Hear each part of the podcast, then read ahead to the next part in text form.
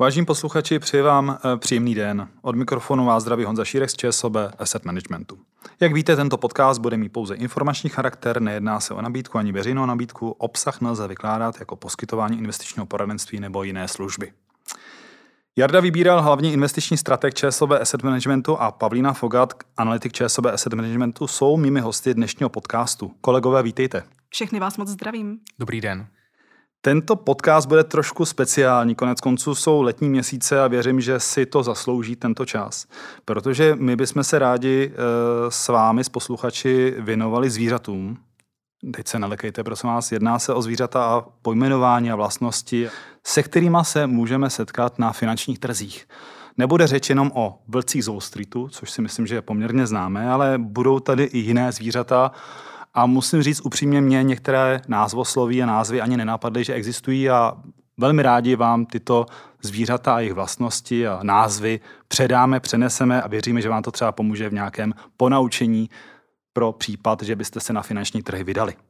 Pojďme začít asi tím nejjednodušším, protože už v minulosti jsme se věnovali bíkům a medvědům, a to je asi to nejčastější, konec konců najdete to před burzou v New Yorku, tak jestli poprosím Pavlínu, pojďme se věnovat nejprve tomu, co ten bík, co ten medvěd znamená. Já si obecně myslím, že býka a medvěda má tak nějak spojena většina lidí s tím finančním trhem. Hodně často se stává, že ti lidé nevědí, co přesně je bík a co přesně je medvěd, pletou si to. Takže já vám teď představím dvě takové krásné pomůcky, jak si nejenom zapamatovat to, jakým tempem se obě dvě zvířata pohybují, ale také, které je vlastně to klesající a které je to stoupající. Tak jenom tak na úvod bíčí trh, to je eh, růst o 20% od předchozího minima, naopak eh, medvědí trh, to je pokles o 20% od předchozího vrcholu. Co se týče toho tempa, jakým obě dvě ty zvířata se pohybují, tak mně se líbí, že se říká, že bíci chodí po schodech a medvědi letí z okna. Teď si představte, mě obecně pomáhá vizualizace, představte si toho obrovského býka, jak na supeně se valí do těch schodů pomalu, jo, ten kruh se mu houpe v těch, v těch nozdrách a teď jako ten bík asi nepůjde úplně rychle, že jo, do těch schodů. Představte si, jaký to musí být pro toho býka to vyfunět No takže z toho nám vychází to, že vlastně ty nárůsty jsou takové pomalé, ale setrvalé. A naopak medvěda, jak letí z okna, si nemusíte představovat až tak barvitě, ale uh, asi vám dochází, že ty propady, ten let toho medvěda bude o něco rychlejší. Bude, bude dole dřív, než ten medvěd, než, pardon, než ten bík vyfuní ty schody a uh, naopak spadne hlouběji. Výborně. Tak uh, začal jsem si představovat zvířata a možná pojďme ještě na další téma, protože uh, já bych ještě jenom rád navázal tomu v souvislosti s akciovými trhy. Přesně tyto dvě zvířata jsme vlastně teď v posledních měsících také zažili. Rok 2022 bylo období, kdy se velmi rychle akciové trhy dostaly do poklesu, do toho medvěda. Ano. A naopak eh, tento rok je ve znamení býka a vidíme, že ty trhy postupně rostou. Je těch bíků nebo medvědů více? Naštěstí pro nás jako investory je mnohem víc bíků. Jak jsem říkala, je víc bíků funících do schodů než medvědů letících z okna. Tak to je dobrá zpráva ano. pro investory. Přesně, děkuji. Uh, Jardo, pojďme teď na centrální banky a tady se setkáváme s holuby a s jestřáby. Tak eh, pojďme si popsat, co tady to znamená. V centrálních bankách nesedí žádná zvířata, ale tam sedí, tam sedí lidé, eh, kteří mají vlastnosti, o kterých se říká, že buď to mají holubičí nebo jestřábí retoriku. Jestřáby jsou ti přísní, obecně to jsou ti, kteří chtějí zvedat sazby, když je, když je potřeba. Naopak holubice jsou opatrné a to jsou, to jsou ty typy, které by raději vyčkávali a nechali situaci, situaci plynout. V tom kontextu mě ještě zaujalo, že před eh, každým zasedáním Rady centrálních bank si centrální bankéři berou takzvaného povinného bobříka mlčení, kdy určité období nesmí vyjadřovat své názory a nebudou, nesmí říkat, jak budou, jak budou hlasovat. Já ještě přihodím eh, vlastně zvíře, kterou jsi jmenoval, protože členem eh, bankovní rady je také pan Holub, který se ovšem v posledních měsících vyjadřoval poměrně jestřábí retorikou, je to tak? Eh, je to přesně tak a pan Holub byl zdaleka největší jestřáb v Radě České národní banky a stále je. Výborně. Tak, uh, pojďme se věnovat teďkon uh, panda anebo kangaroo bonds. To je pro mě také novinka, tak jestli bychom mohli popsat, co to jsou teda ty pandí nebo klokaní dluhopisy. Jestli jste stejní příznivci zvířat jako já, tak možná vás napadne, že pandí, pandí, uh, pandí dluhopis nebo klokaní dluhopis, to bych strašně chtěl, to musí být něco skvělého. Realita není vůbec tak skvělá, jak se to na první pohled zdá, respektive je to docela nuda. Pandí dluhopis, uh, tomu se, to se říká dluhopisům, které se emitují mimo Čínu ten emitent je mimo Čínu, avšak ten dluhopis je uh, denominovaný v čínských juanech a obchoduje se s ním v Číně. A to samé vlastně platí pro Klokana, jak asi tušíte, jedná se o Austrálii místo Číny, takže uh, Kangaroo Bond je vydaný v australských do- dolarech, obchoduje se na australské burze, ale je emitovaný mimo Austrálii. Tak pojďme zůstat u těch větších zvířat, protože také jsme tady v minulosti zaslechli uh, pojem tygří ekonomiky. Tak eh, co tady pod tím si představit? Obecně v minulosti ten termín se začal využívat uh, jako takzvaný azijští tygři. Byly to čtyři nově industrializované azijské země s rychlým hospodářským růstem. Jednalo se vlastně o Hongkong, Jižní Koreu, Singapur a nebo Tajvan, protože tyto čtyři země opravdu se nastartovaly od 60. let 20. století a těm se právě říkalo prapůvodně azijští tygři. Uh, potom je následovaly i další jeho východní azijské státy, nechali se jimi inspirovat, jako je například Indonésie, Malajzie, Tajsko nebo Větnam. A v dnešní době už se pojem ekonomický tygr používá spíše obecně pro státy s nadprůměrně rostoucí ekonomikou. Teď mě napadá například pojem baltští tygři. Mm-hmm. Uh, já bych ještě u těch uh, té ostrosti v podobě tigrů zůstal, protože mě také zaujalo uh, to, že uh, jsme se tady v minulosti mohli setkat eh, se zkratkou funk, což je v překladu tesák. Sice to se zvířaty, no má to docela blízko spojené, ale co si pod touto zkratkou, Jardo, představit? Funk je skupinka nesmírně populárních akcí, která přinesla fantastické zisky za uplynulou, uplynulou dekádu. Je to zkrátka technologických gigantů, prvních písmen technologických gigantů Facebook, Amazon, Netflix a Google. Faktem je, že Facebook se nám přejmenoval a Google se nám přejmenoval, ale tahle zkrátka je zažitá a pokud někdo řekne, že investuje do Fangu neboli do Tesáku, tak je všem jasné, o jakou skupinku technologických akcí jde. Ještě Jardo, u tebe zůstanu, protože uh, zatímco u nás investujeme teda do Tesáku nebo do toho Funk, tak eh, v Číně se investuje do netopíru, což je také zajímavé, ale teď je to opět zase zkrátka BAT, tak jestli ještě tady doplníš. Zatímco Amerika má své technologické giganty, tak i Čína má své technologické giganty. My jsme, co se týká investic do Číny, spíše ostražitější, ale obecná investorská terminologie zná zkrátku BET, jako, jako netopír a to jsou, to je trojice, která Eh, mluví o firmách jako Alibaba, Tencent, Baidu, neboli to je ten protipol amerického fangu, amerických technologických firm. To je to, na co je Čína pišná. Je to pár let zpátky, zhruba nějakých 12, kdy jsme v Evropě mohli slyšet o prasátkách nebo prasatách, uh, PIX. Tak uh, co je tím myšleno, jaké státy mezi ně patřily? A co to vlastně bylo? Uh, to byl opravdu velmi hanlivý pojem, uh, když Evropu svírala dluhová krize, která nabíhala postupně od té krize roku 2008 až eskalovalo to v letech 2011-12, eh, tak tehdy eh, byly předlužené ekonomiky jižního křídla, eh, kterým se Evropa spíše smála nebo z nich měla bolehlav a objevila se, objevila se zkrátka PIX, neboli, neboli prasata.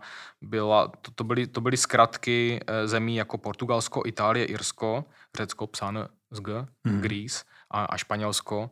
No a když to dáme dohromady, tak to vytvořilo skupinu zemí PIX. Nikdo v těchto zemích to pojmenování, po, pojmenování neměl rád a faktem je, že tohle pojmenování bylo populární pouze v tom zbytku Evropy, eh, ne v těchto příslušných zemích.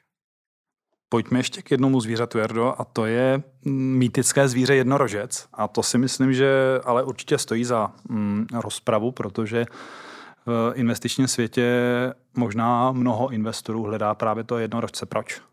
Jednorožec je krásné zvíře, je to mýtické zvíře. Eh, fakticky to stělesňuje statistickou anomálii.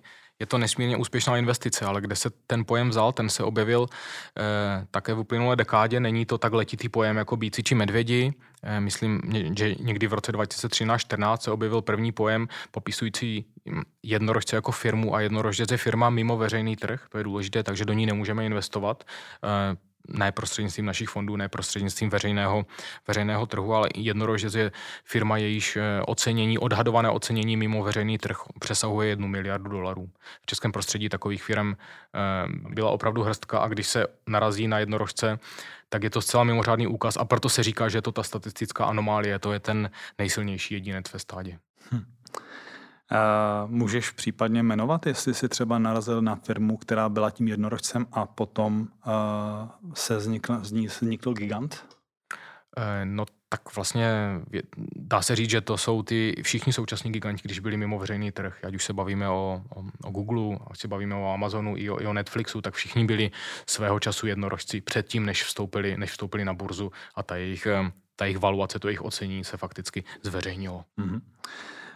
Uh... Pavlí, můžeme se teď věnovat ještě nejen firmám, ale lidským vlastnostem, protože tam je spousta uh, asi chování, které je možná dobré citovat. Tak nechám na tobě, jestli chceš popsat ty, ne, které jsou nejběžnější, anebo jestli chceš postupně se věnovat těm jednotlivým názvům. Já tady mám zrovna třeba případ kuře, a další, tak nechám na tobě. Tak já, já začnu tím kuřetem.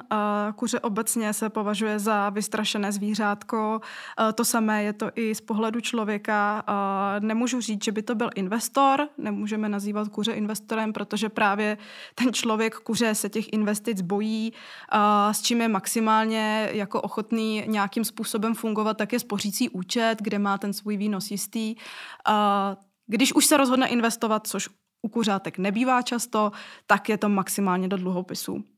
Na druhou stranu tady máme prasata, tak prasátka jsou dychtivá a tím svým rypáčkem vyčuchají nejlepší možnou investici, co se týče samozřejmě výnosu. Těší se na rychlý zisk, ale Potom najednou uh, úplně pomíjejí uh, rizika, která se s tou investicí mohou spojovat, takže se říká, že tato prasátka často skončí na jatkách, takže si dovedete představit, co se asi s takovými investicemi stane. Potom bych ráda zmínila králíka. Králíci jsou prostě rakety, takže si představte intradenní obchodníky, kteří opravdu u toho sedí. Králík je mnohem rychlejší než to prasátko. Prasátko sice jako to vyčmuchá, jde potom, ale králík opravdu jede a obchoduje několikrát za den v řádu minut a večer jde pak v klidu králíček domů s tím, že má všechny obchody uzavřené a pak ráno to jede na novo. Pak je zajímavý jelen. Jelen podle mě poskakuje někde mezi medvědem a bíkem, protože toho vlastně vůbec nezajímá, jestli je právě na trhu bík nebo medvěd. Jelen tím svým ladným skokem okamžitě přiskočí k nějaké nové akciové emisi, to znamená nějaké IPO a právě při tom IPO ty primární emise akcí kupuje a potom, když nabydou na nějaké hodnotě, tak se jich zbavuje stejně jako svého paroží. Pak tady je moje oblíbené zvířátko, to je želva. Želva je velice pomalá, co se týká nákupu nebo prodeje nějakých svých investic v tom svém krunýři, si ty investice nese po dlouhou dobu, celou dobu sebou, tím pádem ta želva vlastně vyčkává, nikam nespěchá, veze se na trendech, veze se na tom, co se vlastně v dlouhodobém horizontu na tom trhu děje, což podle mého názoru je velice dobrá investiční strategie. Já jsem hrdá investiční želva a myslím si, že že je to jedna ze správných cest. A potom naposledy bych zmínila pštrosa a ovci, protože pštros, to je vlastně taky docela chytré zvířátko. Pštros, když už se na něco nemůže dívat, tak prostě strčí hlavu do písku a nedívá se na to. To znamená, pokud máme pokles na trhu, klesají nám třeba naše investice, tak bychom se vlastně měli zachovat jako ten pštros, měli bychom strčit hlavu do písku a nic nedělat. Maximálně, pokud jsme odvážní, tak si třeba dokoupit, ale uh, ve chvíli, kdy fakt jako máme takovéto svrbění rukou, že bychom to měli prodat, že to určitě ještě poklesne, tak prostě strčme hlavu do písku a dělejme, že tam nejsme. To je úplný protiklad ovečky, která uh, naopak jako vidí to stádo těch jiných oveček, které se ženou k tomu prodeji, když zrovna něco klesá, nebo když zrovna něco roste, tak uh, ty ovce se ženou, že to nakoupí, no tak ta ovce se samozřejmě přidá k ostatním ovcím a je tam takový uh, ten stádový problém a to je samozřejmě špatně, takže určitě preferovat pštrosa před ovcí. Výborně. Pojďme se ještě na závěr věnovat pár barvám a pár zvířatům, protože je tady eh, ještě pojem černá labuť a šedý nosorožec. Tak eh, možná pojďme si, Jardo, popsat, co si pod tím představit. Když si představíme, co nás může potkat na trzích, tak každý z nás eh, těch představ má celou řadu, ale černá labuť je pojem, který zavedl americký ekonom Nassim Nikola Taleb, napsal o tom knihu Černá labuť, fantastická, doporučuji všem, kdo, kdo, kdo, kdo, ji, kdo ji nečetli. A ten přišel s konceptem černé labutě jako něčeho naprosto nepředstavitelného, nemyslitelného, něčeho, co může přijít s devastačním eh, efektem. Tam to má dlouhou historii, v minulosti byly bílé labuti, eh, bílé labutě, ta běžná zvířata, ale černá labuť byl velmi, velmi vzácný, eh, velmi vzácný pojem. No od té doby, co napsal tu svoji knihu, tak si díky téhle teorii získal nesmírnou, nesmírnou popularitu a černá labuť bývá často používána, vlastně bych řekl nad, nad, nadužívána. To skutečně má být scénář, který nejsme schopni si představit. Pamatujeme si, přišla pandemie, celý svět uvalila do lockdownu a to byla pro mnohé černá labuť. Nicméně objevilo se upřesnění, sám Nasim Nikola Staleb řekl, že eh, pandemie nebyla černou labutí, protože eh, když se díváme do minulosti, tak víme, že pandemie pravidelně přicházely, ale charakter pandemie on vysvětloval a ještě jiní ekonomové, jako spíše šedý nosorožec, zvíře, které žije, ale které jsme dlouho neviděli, které je velmi vzácné a lidé fakticky na jeho existenci zapomněli. Takže to je ten rozpor, jestli pandemie byla, fakt, byla tím šokem, tou nepředstavitelnou událostí, nebo něčím, co tady vždycky v minulosti bylo, akorát teď jsme ji delší, delší dobu nezažili a přestali jsme se na ní připravovat. Ocenili jsme to riziko. Mohl by si uvést případ v historii, co byla ta černá labuť třeba? To je těžká otázka. To jsou skutečně nepředstavitelné, nepředstavitelné události. Možná teroristické útoky 11. září, to bylo nepředstavitelné. Uh, velké války, to jsou nepředstavitelné mm-hmm. konflikty, kdy, kdy vždycky doufáme do poslední chvíle, že válečný konflikt bude, uh, bude, bude vyřešen, bude odložen, že válka, uh, že válka ne, um, nevypukne. Ostatně to jsme zažili, zažili v, ne, v nedávné době. Jsou to opravdu ty velké, velké události, které mají možnost změnit, změnit chod světa. Výborně. Jardo, Pavlí, já vám oběma moc děkuji za osvětlení těchto názvosloví. Jsem rád, že si pak nebudu připadat jako vůl. A přeji nám všem, aby nám ten bíčí trend dělal co nejdéle radost, bez ohledu na to, který z lídrů je aktuálně u koryta. Přeji vám příjemný den, vážení posluchači, a budu se opět brzy těšit na slyšenou. Naschledanou. Děkujeme za pozvání, naschledanou. thank you